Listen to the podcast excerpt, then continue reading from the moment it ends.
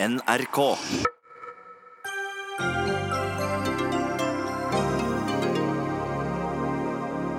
Fiskeriministerens sommerferie i Iran skaper rabalder. Kan en statsråd feriere i et av verdens mest autoritære regimer? Per Sandberg kommer til oss. Studenten som aksjonerte på et fly mot deportasjon av en afghansk mann, hylles. Helt uten grunn, mener advokat. Og kirken bør servere vin med alkohol under nattverden, sier prest, som mener en viktig symbolverdi går tapt med alkoholfri vin. Ekskluderende, svarer Blå Kors.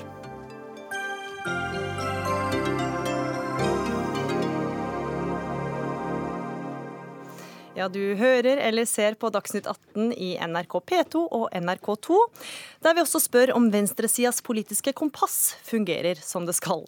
Jeg heter Gry Veiby. Flere har reagert på at fiskeriminister og Frp-politiker Per Sandberg valgte å legge ferien sin til Iran. For i sosiale medier har vi sett bilder av Sandberg sammen med sin norsk-iranske venninne på reise til landet som hele den vestlige verden har et anstrengt forhold til. Og Per Sandberg, du landa i Norge for få timer siden.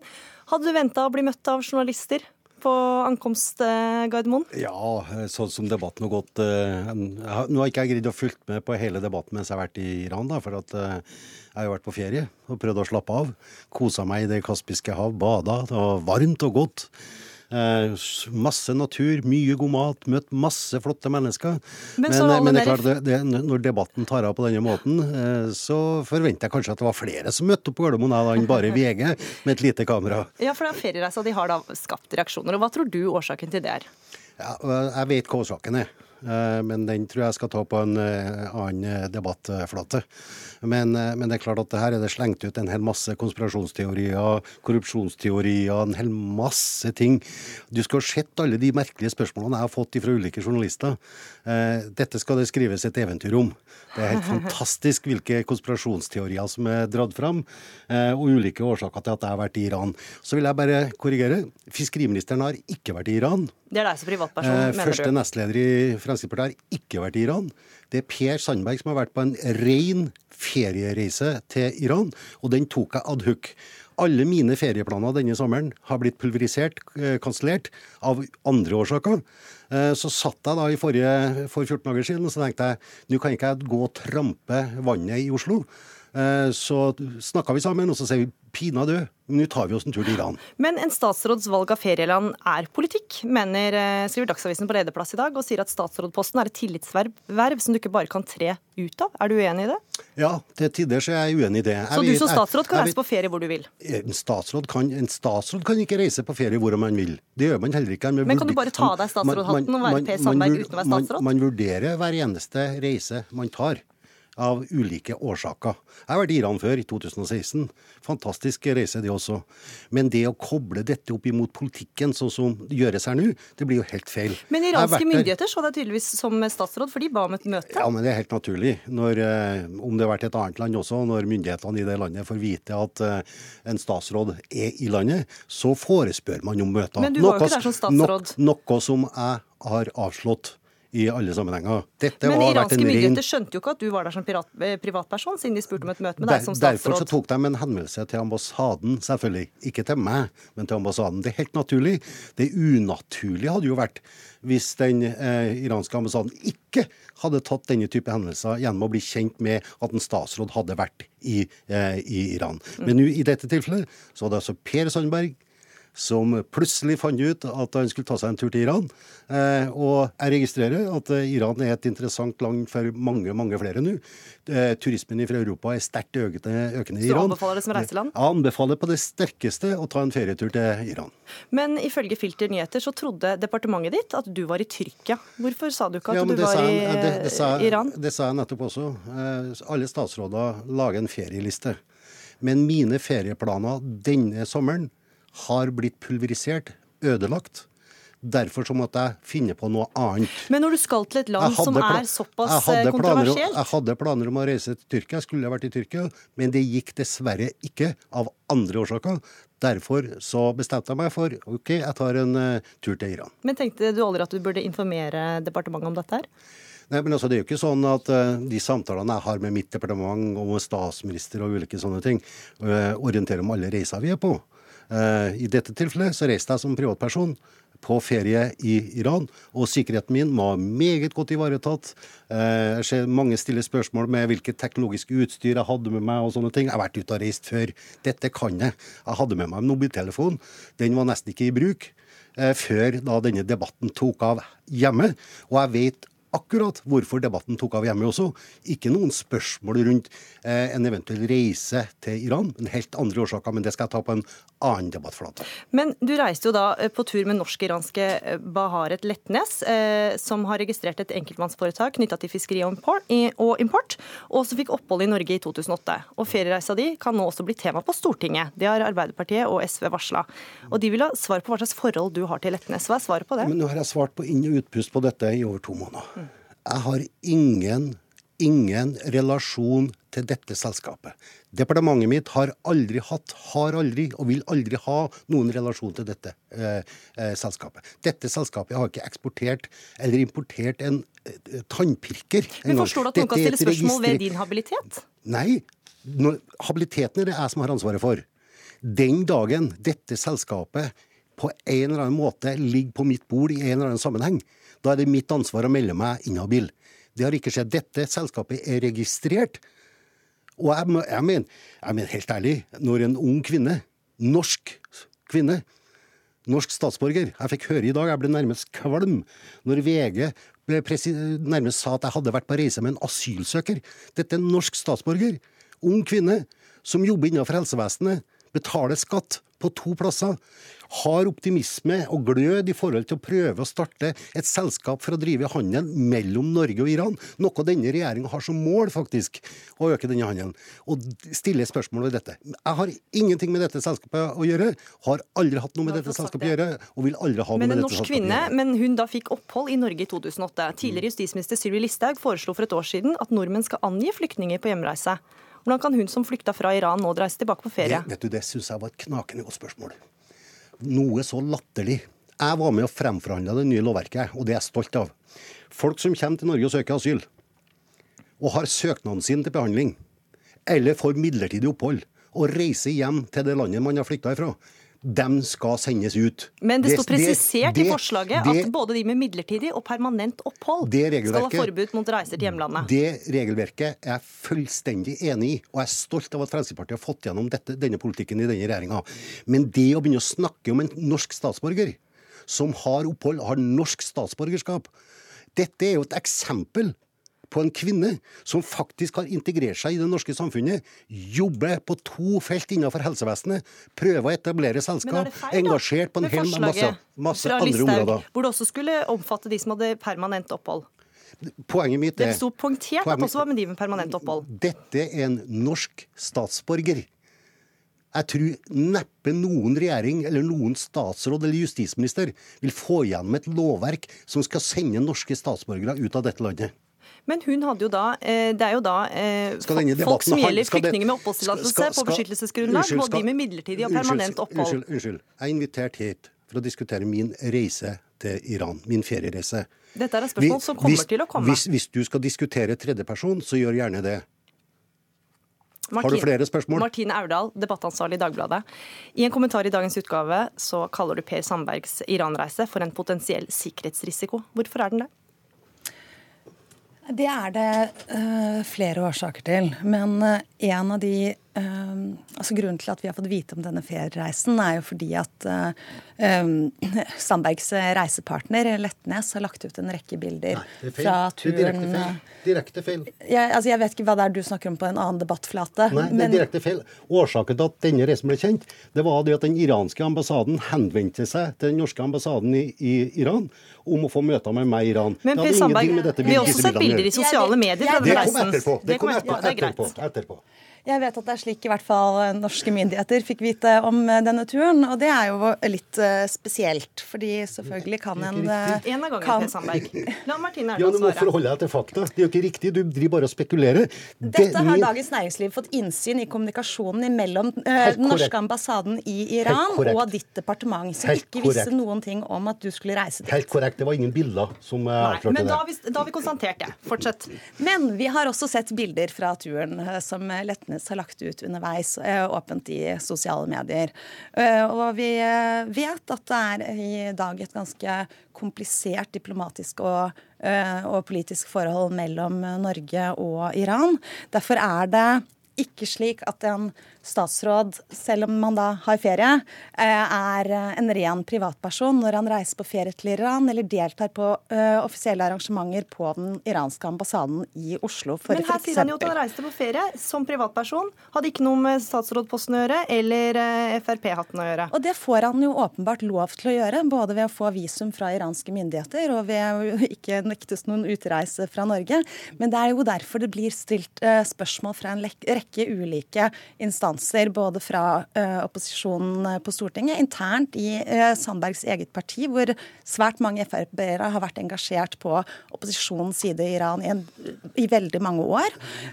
Og at det vil også ha en symboleffekt som, som må da gjelde Norges forhold til Iran, og i verste fall også til USA. Hvordan tenker du på den symboleffekten da?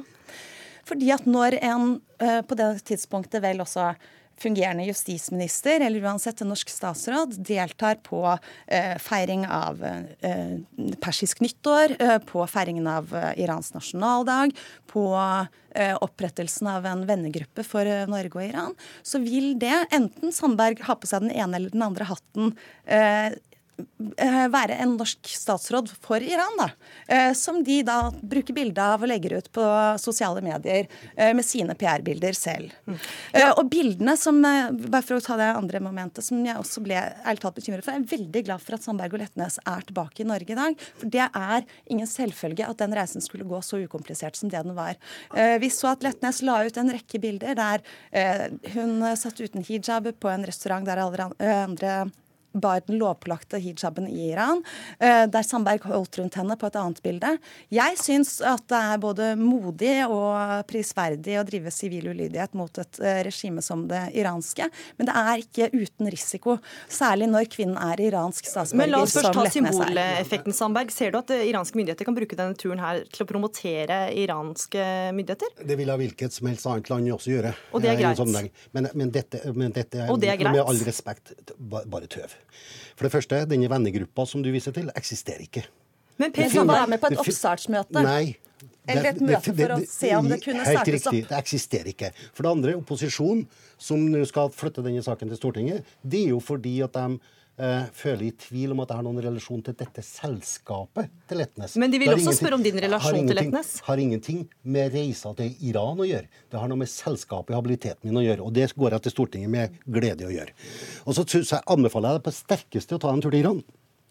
Og Jeg har veldig lyst til å reise til Iran, jeg. Det! Ja, Og så- så så så- så så får du se med egne øyne hvordan unge jenter, kvinner i Iran, i det stille opponerer imot regimet. Det var ikke bare Letnes som var uten hijab, det skal jeg love deg. Det var en rekke unge kvinner, flotte kvinner, som gikk der uh, rundt i gatene. Per Sandberg, overalt. du har- Og- og det- og det skulle du tiljuble. Du skulle juble. du har også fått kritikk fra egne partifeller, Ja fordi at du bl.a. har vært med på å feire iransk persisk persisk Ja, og, nyttår. det, og da må jeg bare få lov til å si de to-tre stykker i eget parti som har kritisert meg for det. Ja, Den kritikken må jeg bare legge helt flat. Så de er misforstått? Jeg deltar i nasjonalfeiringa, det gjør mine kolleger i en rekke andre sammenhenger. Nasjonalfeiringa, andre typer feiringer, ulikt hvilket land det er. Det gjør vi hele tida. Stortingsrepresentantene får daglig invitasjoner til å delta på denne type arrangementer. Og så skulle vi liksom da boikotte eh, nasjonalfeiringa fordi at det heter Iran. Men kan du være med å legitimere dette landet? Hvis jeg kan legitimere at eh, det iranske folk ønsker seg demokrati og demokratiseringsprosesser, så gjør jeg gjerne det. Både her og i andre land. Og det er en rekke andre stortingsrepresentanter som har reist en hel masse andre diktatur som man kan eh, diskutere. Men jeg tar ikke noe kritikk på eh, at jeg verken har deltatt på å feire nyttårsfeiringa sammen med et fantastisk flott, eh, flott folk fra Iran, noe som er en opplevelse som flere burde, ha deltatt i. Dette er integrering, dette er å ha dialog med mennesker, og det er det samme med nasjonalfeiringa. Jeg syns det er vår oppgave å inkludere og snakke med alle, uansett om at vi er uenige med det regimet som er i Iran. Da har du fått sagt det. Det er lov å mene, men det vil uansett reflektere også på den norske regjeringen og hvordan den norske holdningen oppfattes. Ja, okay. Og derfor hva, er det da mulig å spørre Mahmoud Amiri Mogadam, du er professor ved Universitetet i Oslo og leder av eh, Iran Human Rights. Er det så lett å skille mellom Iran som stat og det iranske folket, som Per Sandberg her gjør, når han deltar på ulike arrangementer, mener du? Altså, Iran er, Jeg er helt enig med Sandberg. Iran er et fantastisk land med fantastiske folk, men Irans regime er blant verdens verste når det gjelder brudd på menneskerettighetene. De kvinner som Sandberg nevner, som uh, fjerner hijaben, de trosser jo regimets autoritet, og flere av dem har blitt arrestert og dømt til fengsel. Deres advokat sitter nå i fengsel og er i fare for å bli dømt til flere år. Mens Sandberg har vært i Iran. I juli så har iranske myndigheter henrettet mer enn 30 personer, i gjennomsnitt mer enn én en person daglig. Hva syns du da om at han reiser på ferie dit? Ja, altså, eh, Jeg er enig med Martine Aurdal at eh, en statsråd eh, eh kan ikke bare være en privatperson. Så, så det er en uh, symbolverdi. Jeg syns jo altså Sandberg bør jo få lov til å reise hvor han vil, men dersom du er i et slikt land hvor slike menneskerettighetsbrudd uh, skjer, så kan du ikke være, sitte som tausvitne. Så Uh, uh, du kan ikke lukke øynene for de menneskerettighetsbruddene som foregår i Iran. Har spurt, uh, du har tidligere blitt spurt om du tok opp menneskerettighetssaker da du var sammen med en norsk delegasjon i 2016. Og da sa du at iranske myndigheter er kjent med vårt ståsted når det gjelder menneskerettigheter. Når du deltar i ambassadens uh, nyttårsfest, det er ikke en iransk nyttårsfest. Det er en uh, nyttårsfest som arrangeres av iransk ambassade. Altså iransk ambassade er ikke hvilken som helst ambassade. Det er slik at uh, faktisk i løpet av de siste 20-30 årene er det flere iranske diplomater som har blitt arrestert fordi de har deltatt i terrorhandlinger eller planlegging. For tre uker siden så var det en iransk diplomat i Tyskland som ble arrestert for deltakelse i forbindelse med en planlegging av en terroraksjon i Paris mot en opposisjonsgruppe. Så, så det å uh, sette likhetstegn mellom Irans ambassade og iranere altså Vi har veldig mange fine nyttårsfester, og jeg vil gjerne invitere deg neste gang, fordi jeg tror der kommer du til å ha det mye morsommere. Men, men, men uh, man kan ikke sette likhetstegn mellom de to. Og så tenker jeg at jeg håper eh, Sandberg bruker sin posisjon og sine kanaler til å faktisk eh, ta opp de sakene, fordi det er mennesker som ikke er så privilegerte som det du er. Det er en menneskerettighetsforkjemper som sitter nå i fengsel, og som har Og alt har... dette her vet du vel, Per Sandberg, at det er et regime man kanskje ikke vil identifisere seg med? Dette vet jeg veldig mye om etter hvert. Eh, og nå når jeg var litt over en uke i Iran, så møtte jeg folk flest. Som privatperson? Du var ikke der i Ikke noe offentlig møtepunkt, ikke noe forretningsforbindelser som noen påstår jeg har, men bare folk flest. Enten jeg var sto på vannski ute i Det kaspiske hav, eller jeg var på piknik eh, oppe i Durban, eh, så møtte jeg folk flest. Alle, alle, alle iranere snakka om regimet. Alle snakka om akkurat disse problemene, men alle var veldig optimistiske i forhold til at nå nærmer det seg 40 år, så vil dette gå i en annen retning. Det er folket sjøl som vil ta uh, uh, avgjørelsen, tipper jeg, uten at jeg skal si at jeg er en ekspert på feltet. Men jeg hadde møter med alle mulige mennesker når jeg var der. Fantastisk. Og de diskuterte dette. Men, men kan men, du skille så fra, mellom folket og de offisielle myndighetene? Ja, vet du, Når du er på eh, fester i regi av ambassaden? Ja, men altså, Jeg hører hva som blir sagt her i forhold til at det er ambassaden som arrangerer. Men når jeg var med på nyttårsfeiringa, så møtte jeg også folk flest.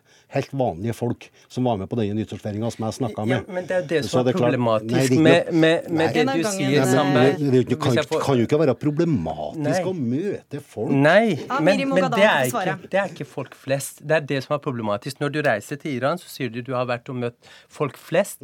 Men har du sett noen bli pisket fordi de har eh, drukket alkohol? Har du sett folk som blir skutt på fordi de protesterer mot vannmangel? Har du sett kvinner uten slør som blir dratt inn i en bil, slått og kastet i fengsel? Det har du ikke gjort. Og når du er på festen her, er så ser du ikke folk flest. Du ser ikke meg, du ser ikke flere tusen Altså, eh, de flertallet deltar ikke på de festene. Og Per Sandberg, kan det tenkes at den, Iran trodde jo at du var der som statsråd. De inviterte deg som statsråd. At den siden du har sett av det, kanskje ikke er Nei, det- tverrsnittet nei, av nei, det- eh, altså, hvordan det- iranere har det må, flest? Det må vi ha respekt for at det er noen sånn kulturforskjeller i forhold til det at eh, med dette med eh, Når det blir kjent at jeg reiser på en privat reise til Iran, at, at den iranske ambassaden hadde trodd kanskje at myndighetene i Iran kunne få et møte med meg, selv om at jeg var på en privat reise.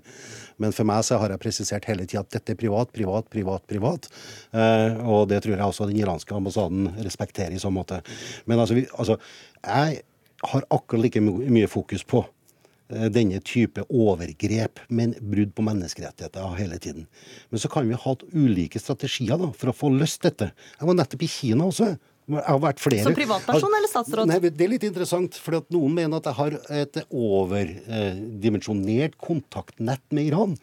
Men da burde man i hvert fall ha kritisert meg når det gjelder Kina. For Kina har jeg virkelig vært engasjert i gjennom to og et halvt år. Men da har du Og- vært som på oppdrag fra offisielle myndigheter? og. Russland. Og Russland. Jeg hadde jo også feriedager i, i Kina her. Ingen som kritiserte meg for det. Men det er klart at det er ulike måter eh, å drive denne type jobb på for å få på plass demokratiseringsprosesser. Jeg har overordna tro på det beste for å skape demokrati, eh, fjerne konflikt, fjerne diktatur og den type ting. Det er handel. Martine, det er handel mellom land, handel mellom mennesker. Jo, men jeg syns det er veldig interessant det Sandberg sier nå. og Jeg lurer på om du kan uttrykke det enda litt klarere. fordi at nå eh, gir du full støtte til menneskerettsforkjempernes uh, sak og kritikk av regimet i Iran. Jeg vet jo at Letnes eh, har jo selv lagt ut bilder av seg selv med passet når hun stemte for president Rouhani ved siste valg nå. Er du eh, altså Som, som Christian Tybring-Gjedde og Mazyar Keshvari, da er du eh, tilhenger av opposisjonens eh, kritikk eh, og, eller regimet i Iran? to navnene du fant, ikke sant? Nå har jo de ganske eh, tydelige posisjoner i FrPs utenrikspolitikk, da, som utenrikspolitisk talsperson og eh, tidligere på det, registrerer, den kritikken der. jeg. Men, men altså, hvis, hvis det, man går rundt og tror det at Per Sandberg, enten som statsråd eller første nestleder eller som privatperson, går rundt og støtter brudd på menneskerettighetene overgrep Ja, mot, mot, mot, mot folk. Det er det du prøver indirekte å si. det. overhodet ikke. nå- Nå plutselig så skal jeg være enig med dem som driver da kampen for menneskerettigheter. Selvfølgelig er jeg det, men jeg har mine måter å gjøre det på. Og jeg, jeg, jeg tror faktisk at uh, gjennom mitt virke som statsråd, uh, så har jeg fått et godt innblikk, og jeg har gjort en betydelig jobb også. Som når jeg var i Iran i 2016, eh, så hadde jeg jo en rekke møter der, jeg, som ikke er med disse møtene hvis du var der på ferie som privatperson, da? Jeg var ikke, hadde ikke møter. Du hadde ikke noe møter når du var der nå? Var det kun ferie? Ikke 2000, noe... kun ferie. 2016 var jeg i Iran. Da hadde jeg en rekke møter. Og da hadde jeg også kontaktnett. Og, det, og i alle mine taler i Iran den gangen, så presiserte jeg jeg syns det er helt merkelig at Iran kan sløse så mye med ressurser, ressursene sine i forhold til kvinnfolk, f.eks. Og da jeg fikk stående applaus, nesten. Og det var kvinner som kom med og uten hijab opp på scenen og klemte meg. Og Det er en indirekte ja, og en god støtte Sist, til du kan få to sekunder. To sekunder. Per Sandberg, nå, nå har du så mange eh, kontakter i Iran. Det er en, Ja, det overdriver vi da. en Siste men- oppfordring det en menneskerettighetsforkjemper som sitter i fengsel, og han ut, har utviklet en sykdom. Vi tror det er kreft. Han får ikke medisinsk behandling.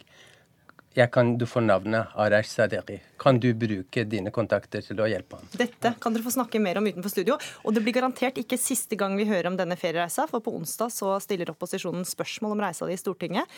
Takk for at du var med i eh, Dagsnytt 18, eh, nestleder i Fremskrittspartiet og fiskeriminister Per Sandberg. Takk til deg, debattansvarlig i, Dag i Dagbladet, Martine Aurdal. Og Mahmoud Amiri Mogadam, professor ved Universitetet i Oslo og leder av Iran Human Rights.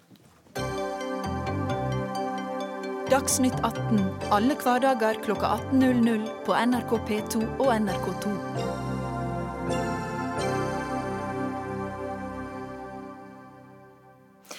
Forrige uke gikk videoen av den svenske studenten Elin Ersson verden rundt. Hun filma seg selv da hun på flyet fra Gøteborg til Istanbul nekta å sette seg ned i et forsøk på å hindre flyet fra å lette.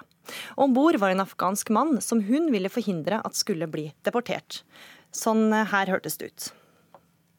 As long as a person is standing up, and if more people are standing up, then the pilot can't take off.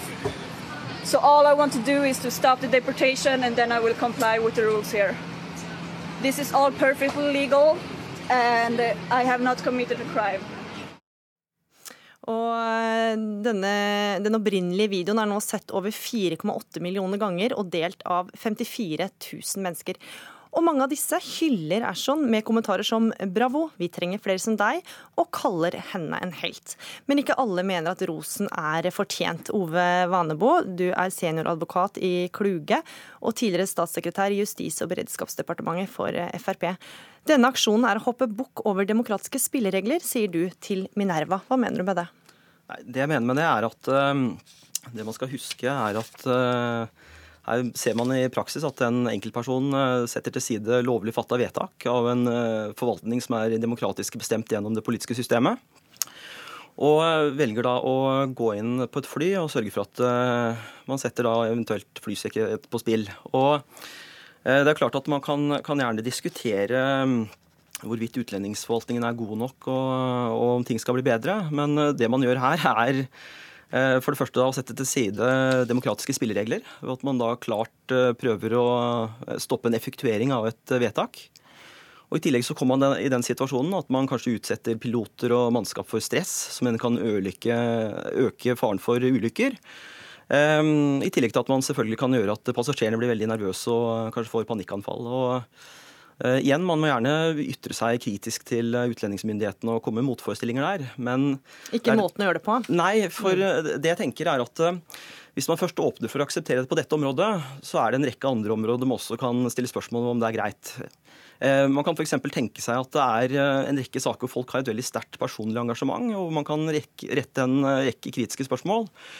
Eh, jeg tenker f.eks. på eh, La oss si at barnevernet skal gå inn i en familie og, og ta ut barn. Eh, selv om man da mener at forvaltningen her er bomma fullstendig på fakta hva som er riktig, så kan man ikke hindre at man tar ut barn på den måten. Og Det samme kan man også tenke seg La oss si at noen skal transporteres til, til et fengsel. Da. Skal man da ha mulighet til å stoppe fangetransporten fordi man mener at noen er uskyldig dømt? Eh, her ser jeg for meg at man åpner opp eh, døren på vidt gap for eh, en rekke aksjoner som vil på mange måter undergrave det, det rettssystemet og også de reglene for hvordan man skal opptre i dag. Mm. Evi Ellingvåg, du er operasjonsleder og styremedlem for foreningen av 12.1. Du mener derimot at denne aksjonen har en viktig funksjon. Hvorfor det? Ja, altså I motsetning til, til, til hva Vanebo her sier, så, så, tenker jeg at det Vanebo i tilfelle tar til orde for, er å lukke den døra. Den døra har jo vært vidåpen i mange år. Sivil ulydighet har vi eh, hatt som et viktig og sterkt virkemiddel i, i, solide demokratier i mange år. Og det handler jo mer om. Altså Det viser mer uh, om hvor sterkt Men selv om vi har hatt det lenge, betyr vel ikke nødvendigvis at det er riktig? Burde hun ikke gått til uh, prøvd å gjøre dette her gjennom lovlige kanaler? Jo, men det vet vi jo ikke noe om hun, om hun har gjort. Eh, og at det, det, det, kjenner vi jo ikke noe til. Eh, hvorvidt hun har eh, forsøkt å, å bruke de kanalene som, som, har vært anvendt. Sånn at sivil ulydighet er og skal være et sånn type last resort. Og har vært det også i norsk sammenheng i, i, og verden over, over i, i, mange år. Så det er jo ikke noe, for så vidt noe nytt ja, nytt virkemiddel i den måten. Nei, og Ove Vanebo, dette her er jo sivil ulydighet har vi hatt gjennom historien og blitt huska som både viktig og riktig. Gandhi, Martin Luther King, himmelske fredsplass. Mm. Er det ikke et viktig virkemiddel når ingenting annet eh, fungerer, når man har prøvd alle andre virkemidler? Nei, men det, Da må man igjen eh, tenke litt tilbake igjen til eh, virkelighetens Norge, og for så vidt også Sverige. Um, Sverige og Norge er to av verdens mest demokratiske stater. Vi har en forvaltning som er bundet av menneskerettigheter, også i Grunnloven for Norges del. Og vi har eh, kanskje en av verdens beste utlendingsforvaltninger. Hvis det er sånn at man mener at eh, utlendingsforvaltningen og eh, politiets uttransporteringsenhet tar feil, så har man mulighet til å kreve såkalt midlertidig forføyning, hvor man går til rettsapparatet og får en midlertidig stopp inntil saken blir behandla i rettsapparatet. Og så må man igjen også Det er litt, litt det jeg er inne på, at Hadde dette kanskje skjedd i, et, i en stat hvor man drev med, med rasesegregering, apartheid, eh, store, grove angrep på sivilbefolkningens rettigheter, så kunne man kanskje diskutert om det var berettiga. Men nå er vi altså i et av verdens aller beste land, som har en bunnsolid demokratisk forankring.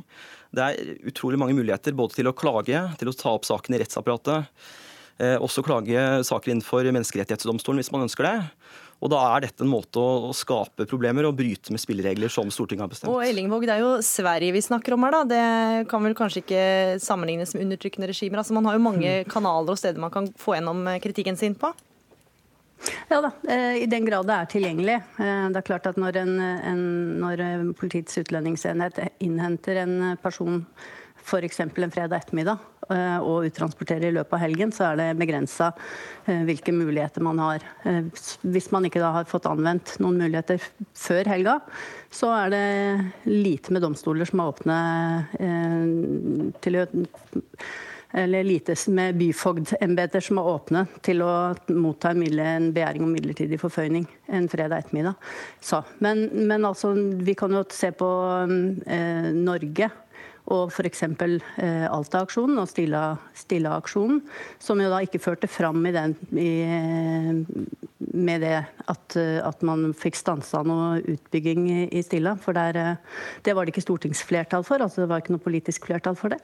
Men, eh, men i etterkant av Stilla-aksjonen og, og Alta-aksjonen så fikk vi jo på plass et helt nytt lovverk som ivaretar urfolks rettigheter og urfolkskultur, som vi nok kanskje ikke hadde fått eh, om, ikke, hadde, om ikke det hadde vært aksjoner eh, i den størrelsesorden som, som, var. Og det er klart at det er jo det som eh, Elin Ersson her nå har gjort, er å reise den debatten om hvorvidt retur til Afghanistan er så trygt som forvaltningen og eh, politikerne i Sverige og Norge, bl.a. og Europa for øvrig, mener at det er.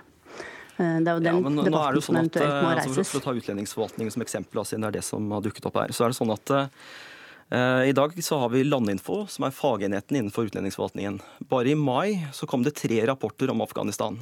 Vi skal ikke ta hele nei, men, men hvorvidt det er trygt å reise til Afghanistan. Det nei, men, men, men, dette bare understreker at jeg, jeg, jeg, jeg, tror at hvis man, altså, uh, hvis man skal stille strengt krav, som man skal gjøre, så må man også se på hvordan realiteten er. Og så er det jo litt med å finne ut hvilke virkemidler er det som er greie å bruke.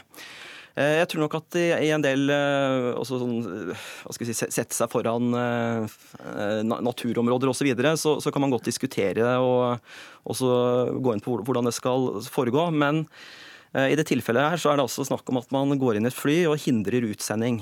Men, eh, men Vanebo, tilbake ja. til hvor stor, stor, denne saken har blitt. ikke sant? Det er jo da eh, 4,8 millioner ganger så er den sett, den videoen. Mm. Fått masse oppmerksomhet både i inn- og utland, eh, og form av deling på sosiale medier. Alle disse menneskene som syns at hun har en viktig sak og en riktig sak, tar de feil, da? Så Man kan jo se på videoen selv om man mener at, uh, at det ikke er uh, riktig å stanse flyet. Altså, jeg har også sett denne videoen. Men det man skal huske i, en del saker, da, både når det gjelder sivil ulydighet generelt, og også i denne saken, er at det ofte er forskjellige sider. Og uh, man skal også huske at myndighetene ofte vil ha taushetsplikt, som betyr at de ikke kan gå inn i de konkrete sakene. Og Da er det to ting jeg vil trekke fram i forbindelse med denne saken. Eh, det ene er at eh, eh, den dama som stoppa flyet, skulle i utgangspunktet hindre at en 25 år gammel mann ble sendt ja, ut. Vi ikke ta hele sakskomplekset. Nei, men bare, bare, for å illustrere dette. Det viste seg i ettertid at denne mannen hadde bodd trygt i Iran i mange år, før han har valgt å dra til Sverige. Personen som også ble sendt ut på, på fly nummer to hvor hun gikk inn, det var altså en person som var dømt til, til fengselsstraff. Eh, og som da antageligvis har påført andre mennesker eh, ganske store ubehageligheter. Så saken har flere sider? Ja, og det er derfor jeg tror at man skal være litt varsom med å bare si at å nei, her sender man en person ut til et, til et land hvor eh, forholdene selvfølgelig er utrygge sammenlignet med Norge. Man må også skjønne hvordan systemet fungerer, og også at saken naturligvis har flere sider enn bare det man ser. Da fikk du siste ord, Ove Vanebo, senioradvokat i Kluge, og takk for at du var med i Dagsnytt 18. Takk også til deg, Evy Ellingvåg, fra styremedlem for Foreningen av 12. januar.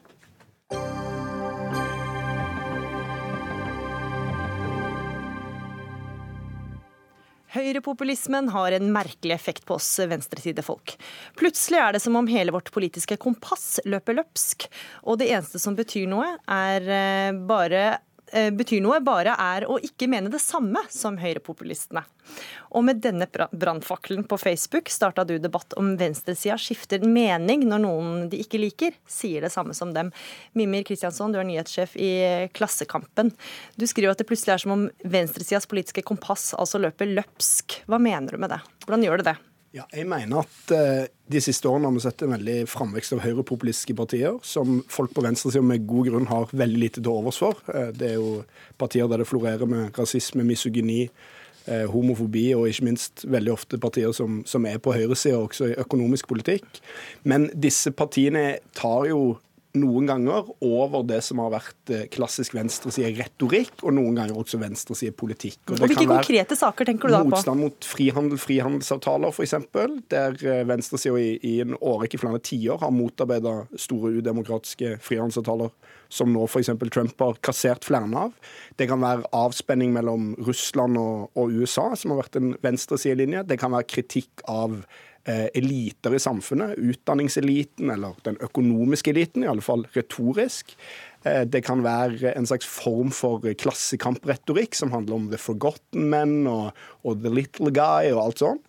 Og når dette skjer, så er mitt inntrykk av at en del venstresidefolk blir så eh, forfjamsa av at noen de ikke liker, sier det, det samme som, som, de mener sjøl. At de rett og slett eh, ender opp med å kritisere også en politikk som de er enig i. Da. Et veldig konkret eksempel syns jeg er jo det norske venstresidas eh, syn på brexit, der jeg føler at eh, det i økende grad også blant norske EU-motstandere har vært en skepsis til at britene skal få melde seg ut av EU fordi at de eventuelt gjør det da av feil årsaker. Da. Så må jeg si at uh, min kritikk den er jo ikke sånn at jeg har en, et parti eller en person å sette på tiltalebenken. Ja, jeg mener det er en tankemåte. Så mm. det er litt sånn uh, strå, Det kan sikkert være en stråmann òg, altså, men det er litt sånn uh, folkesnakk og folkeprat og hva du føler at du opplever i kommentarfeltene og på de festene du går på. Da, og Det er i hvert fall det jeg har inntrykk av. Da. Vi har med representanter for venstresida. Vi begynner med deg, Marie Sneve Martinussen. Du er første nestleder i Rødt. Ja, hvordan vil du si at høyrepopulistene påvirker eh, politikken deres? Altså, Nå går jeg kanskje ikke på alle de samme festene som Mimir, men jeg vil gi han delvis rett i beskrivelsen hans og 100% rett i bekymringa hans. Eh, grunnen til at jeg sier delvis rett, er jo fordi den kritikken som han kommer med, den føler jeg ikke gjelder Rødt i det hele tatt. Altså, Rødt er fortsatt imot udemokratiske handelsavtaler. Rødt er fortsatt mot markedsliberal EU-politikk, og jeg har aldri hørt noen fra Rødt eh, forsvare CIA eller andre som eh, Mimi nevnte i denne Facebook-posten. Eh, men det aller viktigste her er på en måte bekymringa som Mimi tar opp. altså bekymring forventninger om at det skal bli sånn, og at det skal være sånn at uh, venstresida uh, går imot uh, måte, god, gammeldags venstresidepolitikk fordi vår fiendes fiende blir vår venn. på en måte. Uh, og Den bekymringa er veldig viktig og ligger egentlig til grunn i veldig mye av det som Rødt jobber med. fordi hva skjer egentlig hvis vi ikke prøver å forstå hvorfor folk velger stemmer på høyrepopulistiske partier, hvis vi tror at det handler om utelukkende om rasisme eller at folk er dumme, og vi ikke ser at det handler om at en del av den ulikheten som er i samfunnet, og en del av den avmakta og sinnet som folk med rette føler overfor mm. eliten, at den eh, ikke har ikke venstresida i Europa og USA har vært god nok til å ta på alvor. Og Det er jo noe av det som Rødt prøver å gjøre. og ja. si at disse økonomiske du kjenner, spørsmålene... Du kjenner deg ikke igjen i kritikken, men er enig i bekymringa?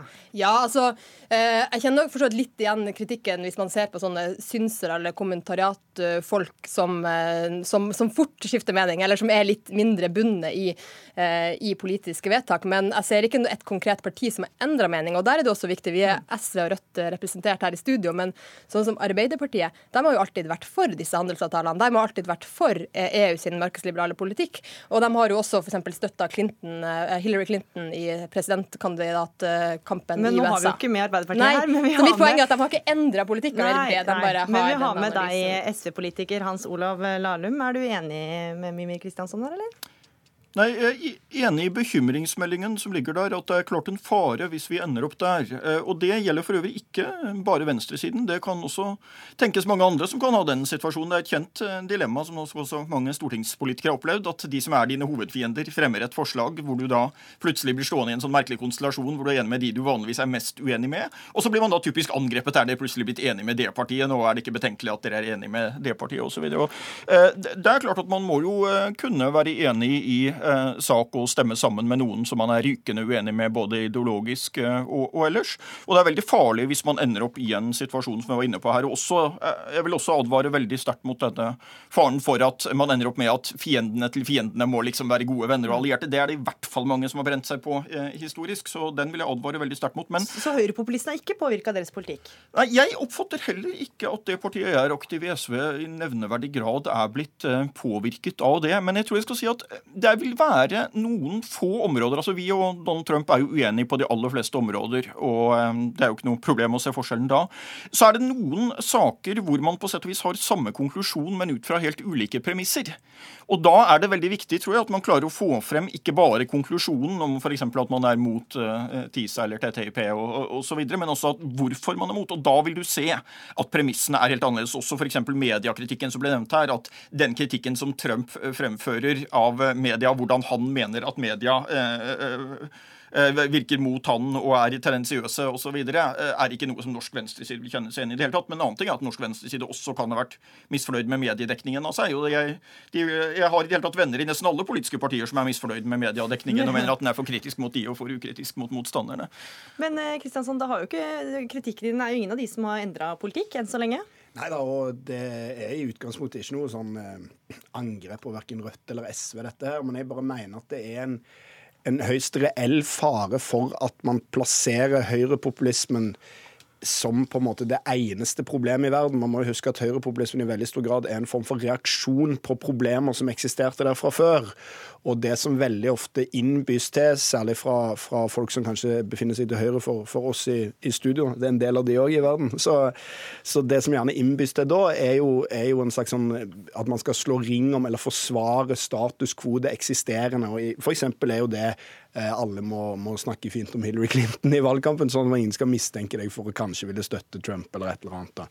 Men poenget er at hvis man ikke sjøl klarer å fremme en kritikk av at en presidentkandidat i USA, Hillary Clinton, må mottar millioner av kroner for, for, å holde tale for Goldman Sachs og ikke vil fortelle etterpå hva var sagt, så overlater man jo hele den banen til høyrepopulistene. Så det blir litt svart-hvitt, da, fordi man må vise hvem man står med? Nettopp. Og det blir òg en sånn form for identifikasjon som ikke politikk ikke lenger handler om saker eller innhold, men om hvem man vil være venner med, hvem man føler at lukter vondt, hvem man vil holde avstand fra. Og Problemet, da, sånn som jeg ser det, er jo at dette er eh, på en måte å skyte seg sjøl i foten, fordi at man gir sine egne trumfkort til Trump. da, altså Man sier at de gutta der de får være aleine om en politikk som egentlig kan ha mange gode begrunnelser og være fornuftig, fordi at man sjøl ikke vil liksom ta eller fremme den type politikk. Altså, det er det som er min... Med Trump, Trump. Ja, også, også, Det er jo ikke tvil om at, at, det også foregår en sånn brunskvetting fra, fra Rødt og SVs politiske motstandere hver eneste gang eh, noen i Rødt eller SV skulle finne på å si noe som kan minne om noe høyrepopulister sier, så dukker de opp med denne hesteskoteorien sin, og nå, nå møtes ytterpunktene det ene med det andre. Men det må man på en måte stå imot, og man må heller være forplikta til sin egen politikk og til sin egen på en måte, forståelse av virkeligheten, heller enn til en sånn slags posisjoneringslek. da. Martinussen? Ja, eh, altså Når det gjelder høyrepopulisme, så tenker jeg at vi skal åpenbart ikke eh, la vår politikk påvirkes av framveksten av høyrepopulisme. Men vi kan heller ikke være upåvirka av framveksten av høyrepopulisme. Men kunne du f.eks. sagt sånn ja, vi er faktisk enig med det Donald Trump sier, vi er bare ikke enig i argumentene hans? Kunne helt sikkert sagt det hvis det var tilfelle. Nå kommer ikke jeg på en eneste sak der det er tilfelle. Eh, men det som er viktig, eh, grunnen til at jeg mener at de må, ikke kan være upåvirka av høyrepopulismen sin framvekst, er at vi er nødt til å skjønne hva som skjer i samfunnet vårt hvis vi ønsker å forandre det. Og valget av Donald Trump er vi kunne sikkert diskutert det veldig lenge, men det er symptom på i alle fall to årsaker. Eh, det ene er økende ulikhet og et økonomisk system som skaper, kriser som vanlige folk må betale for. Og det andre er sosialdemokratiet, eller demokratiske partiet i USA og ledelsen der, sin eh, ikke-eksisterende vilje til å se de her problemene og til å se den avmakten og det sinnet som vanlige folk uh, føler når man ser at uh, man har mindre å si om hvordan samfunnet rundt seg blir, når makta blir flytta lenger bort fra deg, både i økonomi, men også geografisk lenger mm. bort fra deg. Uh, og de, den tingen i kombinasjon, et økonomisk system som øker forskjellene, og en sosialdemokrati eller et demokratisk parti som ikke klarer å ta de problemene på alvor, det er det som har gjort at vi får eh, høyrepopulisme. Og det er vi nødt til å skjønne, sånn at vi kan fremme de solidariske, eh, progressive venstresideløsningene på akkurat de samme problemene. Hmm. Larum, kunne dere sagt det? Vi er faktisk enig med det Trump sier her, det er bare ikke måten han argumenterer på. Du kan jo finne eh, punkter eh, hvor eh, Trumps konklusjon på sett og vis ligger opp mot, eh, mot eh, norsk, ting norsk venstreside har stått for. Det gjelder jo f.eks. denne skepsisen til eh, frihandelsavtaler, hvis vi ser på TISA og TTIP og, og, det. Men der vil jeg mene at nettopp premissene er jo så himmelropende ulike at når jeg hører retorikken hans om det, så, så, så forstår jeg jo hvor uenige vi er, selv om vi på en måte har samme eh, konklusjon der. fordi det norsk venstreside har hatt som innvending mot disse store, eh, omfattende frihandelsavtalene, det er jo at man mener at det uthuler demokratiet, særlig i mindre land. Man liksom tar vekk den her nasjonale selvråderetten og muligheten eh, der. Og at man mener at det i, at de i urimelig grad vil favorisere de store eh, mot de små i kanskje ikke helt utviklede økonomiene, og at de må ha mulighet til å gjøre andre valg for en periode. Mens derimot det Trump da sier, er jo at han mener jo at det favoriserer de fattige landene, og at det er USA ja. som kommer ufortjent dårlig ut her. og Det er en sånn blanding av nasjonalisme og en sånn tradisjonell mm. stormaktsselvhevdelse som jeg tror at man på norsk venstreside ikke vil kjenne seg igjen i. det hele. Mimmi Kristiansen ville ikke vært veldig vanskelig for uh, vanlige folk da, å vite hvem, eh, hvem egentlig, hva de egentlig mener, hvis de sier at de er enig med Trump, f.eks.?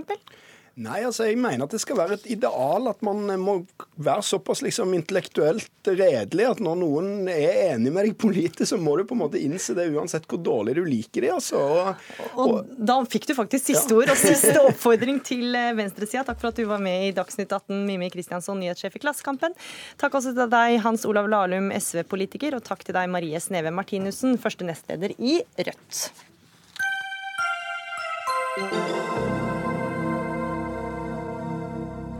For vi skal til Zimbabwe, hvor det går mot en valgthriller under dagens valg.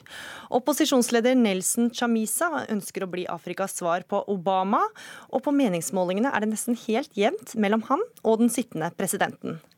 Nina Tawanda, du er rådgiver i Norsk Folkehjelp og har bodd og jobba i Zimbabwe i mange år. Og for oss som ikke kan Zimbabwe veldig godt, hva er, forskjellen på de to hovedmotstanderne? Bare ta mikrofonen sånn at du snakker i Sånn, ja. Der, ja. Eh, forskjellen er jo det at den ene er president Nangagwa. President Nangagwa har eh, vært en del av SANU-PF i eh, 40 år. SANU-PF er, er altså Mugabe ja. sitt parti. Mm. Det er det partiet som har styrt Zimbabwe helt siden frigjøringen i 1980. Eh, Nangagwa er en mann på over 70 år. Eh, han har et kallenavn, og det er Krokodillen. Eh, og det er en grunn til at den har det. Mm. Ikke den mest sympatiske mannen, kanskje? Nei, Han har gjort en del ting. Jeg tror ikke dette går på sånn småting. Dette går på store, alvorlige saker som han har eh, vært en del av. Eh, kanskje en av de største tingene han har blitt anklaget for, er at på 19, i 1980 begynnelsen av 1980 så var det en massakre av en av de etniske gruppene i Zimbabwe, som heter Ndibele. Og over 20 000 ble drept. Mm. Det var politisk massaker. Mm. Eh, slik at det er, en, det er en viktig del av av eh, hele hans bakgrunn og hvorfor han får dette navnet. Og så er det da nykommeren da, som, der, som kaller seg Afrikas svar på Obama. Hvem er han? Eh, Nelson Chamisa er en pastor.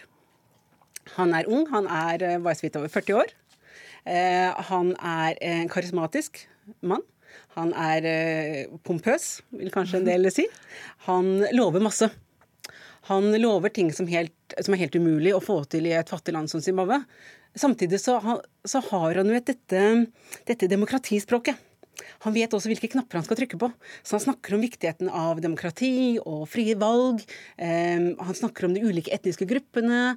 Han snakker om viktigheten av å eh, tenke hele landet, og ikke bare de urbane områdene. Så han snakker som folk liker å høre? Han gjør det. Mm. Han tiltrekker seg masse. Eh, altså store, eh, store folkemengder kommer fra lytter på han. Kristian Skrede Gleditsch, du er professor ved Universitetet i Essex og PRIO, og forsker bl.a. på demokratisering, eh, som nå altså Zimbabwe skal gå mot demokrati. Hvordan har demokratiseringsprosessen vært? Man kan si at I Zimbabwe så startet eh, demokratiseringsprosessen med en krise. Eh, det militære grep inn i fjor bl.a. fordi at det var mange bekymringer om korrupsjon eh, rundt klikken rundt Mugabe, og særlig kanskje da Mugabes kone. Men det er interessant at det militære ikke forsøkte å holde på makten. Og de ville ikke avsette Mugabe direkte, men de ville gjerne at han skulle trekke seg frivillig. Og En av de tingene de brukte som virkemiddel for å få Mugabe til å trekke seg, det var å oppfordre folk til å gå ut og demonstrere og, og demonstrere for politisk endring. Og eh, når man ber folk om å gå ut og protestere for å kreve demokrati og større rettigheter, da kan det bli vanskeligere å be folk om å gå tilbake. Og jeg tror at dette har ført til at uh, nå er uh, et press på begge sider forsøker å framstille seg selv som reformatorer og ta avstand fra, fra tidligere SANU-PF-styre under Mugabe. I tillegg så har vi også en, andre, en del andre positive trekk. Det har f.eks. blitt åpent for uh, utenlandske valgobservatører, som ikke har vært godkjent tidligere. Men så vidt jeg forstår, så har det nå vært valgobservatører fra EU og andre land. Og det har også vært mye mindre vold ved dette valget enn det har vært ved tidligere valg. Ja, Tawanda, hva, hva gir grunn til å tro at dette valget kan bli demokratisk? Vanskelig å si. Fordi historien forteller oss at det er ingen grunn til at dette skal bli et demokratisk valg. Eh, det er ingen endringer. Eh, det er helt riktig at han kom inn ved et kupp, Nangagwa. Eh, det er ingenting som tyder på, helt opp til november i fjor i hvert fall, at SANU-PF, altså den, den sittende, sittende. Mm. Eh, regjeringen, ønsket, partiet ønsket å, å gjøre noen endringer.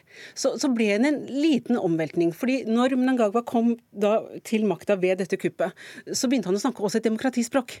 Ikke sant? Han snakket et demokratispråk eh, som som også gjorde at det internasjonale samfunnet ønsket å lytte til ham. Og det var en stor endring. Og ikke bare snakket han språk, men faktisk han har på en måte begynt å gi lite grann. Slik at f.eks. disse vanlige veisperringene som man har hatt i landet, uh, politiet som har sperret veiene og som må betale for å komme videre, det har han fjernet. Han sørger for at han blir sett på sykehus, på uh, skoler etc. Slik at han har gjort en del riktige ting. Og han, han sier helt klart de riktige tingene. Og så kanskje det aller viktigste er at nettopp fordi at han kom til makta ved et kupp, så er det viktig for han nå å legitimere at han faktisk er den sittende presidenten. Så dette er et, et eh, valg for han som er viktigere enn noe annet. Mm. Gledic, har du tro nå på at Zimbabwe kommer til å få det til? Um, jeg tror det er en del um, positive signaler. Så vidt jeg forstår, så har det vært um, mer gjennomsiktig valg. Det har vært bedre gjennomført enn tidligere valg og mindre direkte vold og trusler mot opposisjonen. Så jeg tror at det vil være viktig for Managua å, å, og, ha et forholdsvis demokratisk og, og, rolig valg. Jeg har derfor en viss tiltro til at, at valgresultatet vil bli respektert. Det har vært noe kritikk om måten valget har vært gjennomført på. Det har vært kritikk mot stemmesedlene og at ikke dekningen har vært uh, upartisk. Men sammenlignet med tidligere valg så er jeg uh, forholdsvis uh, optimistisk. Og jeg tror også at forhold til andre land eh, bidrar eh, til å, å eh, gi bedre premisser for demokrati. Tawanda, når får vi vite resultatet? om maksimum fem dager. Men, men, det som jeg tror er viktig, er jo at dette med fravær av vold kan ikke være det som tilsier hvorvidt dette har vært et demokratisk valg. Vi må håpe at de som er observatører i landet i dag, og det er både EU og AU og SADEC og andre, at de faktisk ser på retningslinjene for, for gjennomføring av fritt og rettferdig valg. Vi kommer i hvert fall til å følge spent med når vi får vite valgresultatet og hvordan det har gått. Nina Tawanda, rådgiver for Norsk Folkehjelp, og Christian Skrede Gledich, professor ved Universitetet i Essex og Prio, takk for at dere var med i Dagsnytt 18. Hør Dagsnytt 18 når du vil. Radio NRK Radio.nrk.no.